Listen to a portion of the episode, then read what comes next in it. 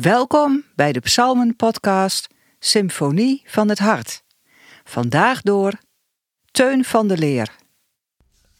Vandaag lezen we Psalm 6.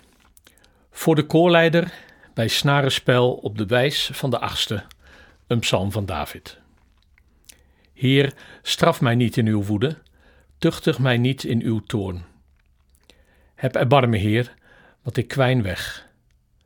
Genees mij, Heer, ik ben doodsbang, ik vrees voor mijn leven. Hoe lang, Heer, moet ik nog wachten? Keer terug, Heer, spaar toch mijn leven, toon mij uw trouw en red mij.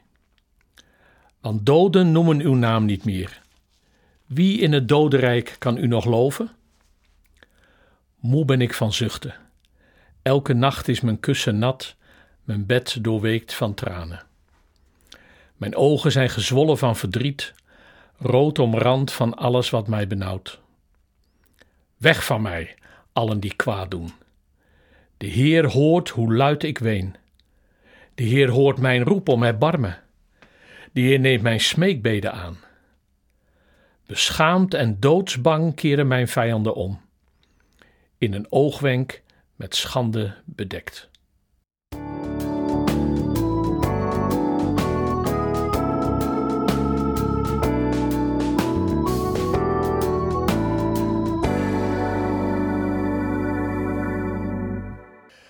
Hoewel niet zo massaal als enkele jaren geleden, waren er op 1 januari hier en daar toch weer zogenaamde nieuwjaarsduiken.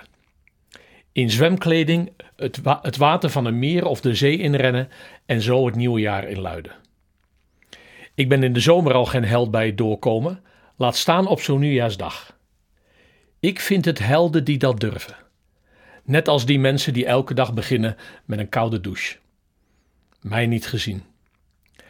Maar vanmorgen had ik er in overdrachtelijke zin toch één. Bij het lezen van deze psalm. Want deze psalm heeft iets van een koude douche.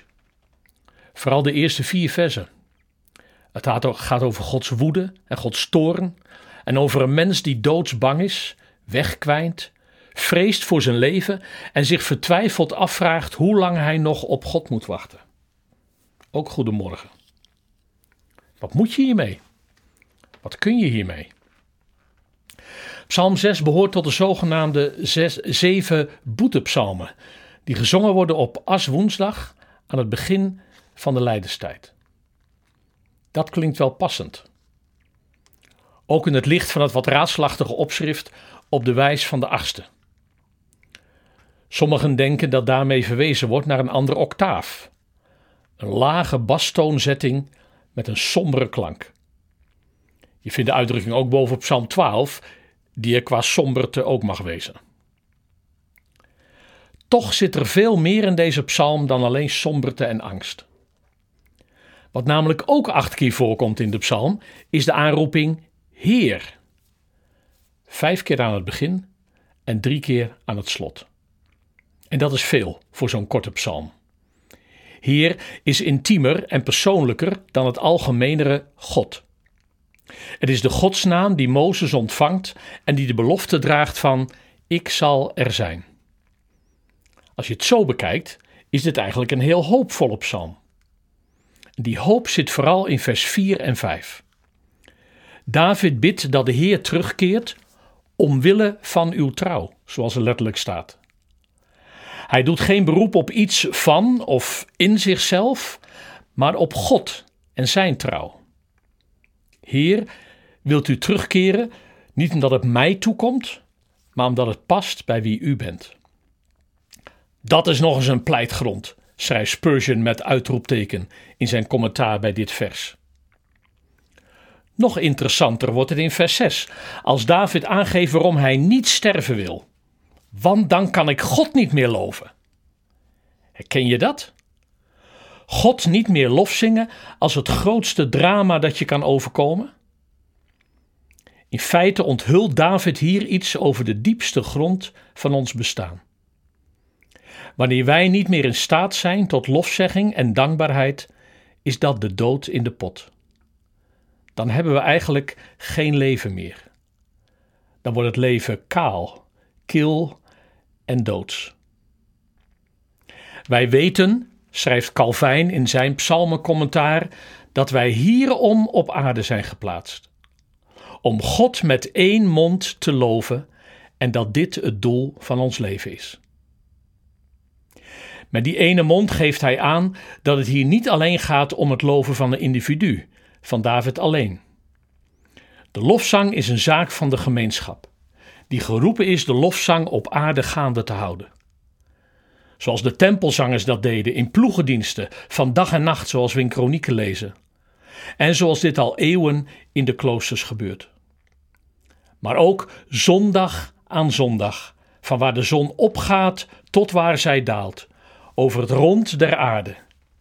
In kerken van Sydney via New Delhi, Boekarest en Woerden, Utrecht, Amersfoort, Zetten, Koudem, Alphen, Emmen en Enschede tot Washington en Vancouver. Is er nog toekomst als die lof verstomt? Is er nog leven als er niet meer wordt gezongen? Heeft dan het kwaad niet overwonnen? Als in het boek Openbaring de val van Babel beschreven wordt, dan wordt als teken van die ondergang onder andere gezegd dat er geen muziek en geen zang meer zal zijn in deze stad. Terwijl in het hoofdstuk daarna, Openbaring 19, weer volop gezongen wordt op de bruiloft van het Lam en de oproep klinkt: Laat al Gods dienaren die ontzag voor hem hebben, jong en oud, hem loven. Ik vind het een bemoedigende gedachte dat ik, wij, als het ware de geschiedenis gaande houden als we Gods lof zingen. En dat dit ook het kwaad in toom houdt. Let op de fierheid waarmee David in de laatste verse het kwaad zijn plaats wijst. Wegwezen. Maar de psalm begint met zijn eigen doodsangst. Nu zijn het de vijanden die beschaamd en doodsbang afdruipen. Want de Heer, tot drie keer toe, hoort. De Heer is teruggekeerd. Misschien wel via het loflied. Jezelf terugzingen in Gods nabijheid. Omdat Hij trouw is. En omdat Hij hoort.